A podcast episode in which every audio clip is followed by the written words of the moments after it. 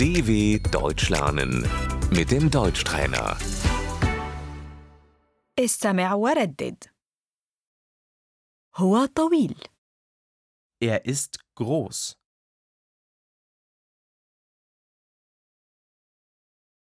هي قصيرة Sie ist klein.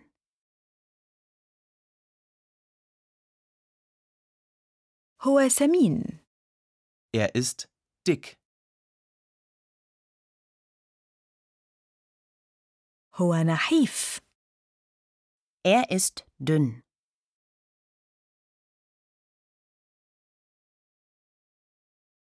هو عجوز Er ist alt.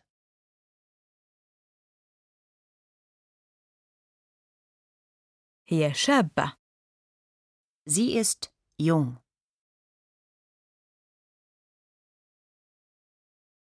هي جميلة Sie ist hübsch.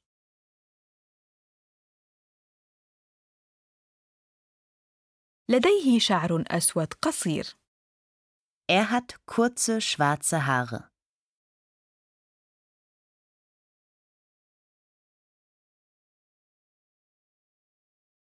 لديها شعر بني Sie hat braune Haare.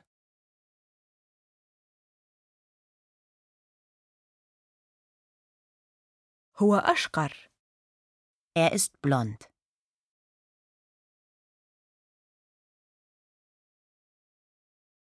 لديها عينان خضروين Sie hat grüne Augen.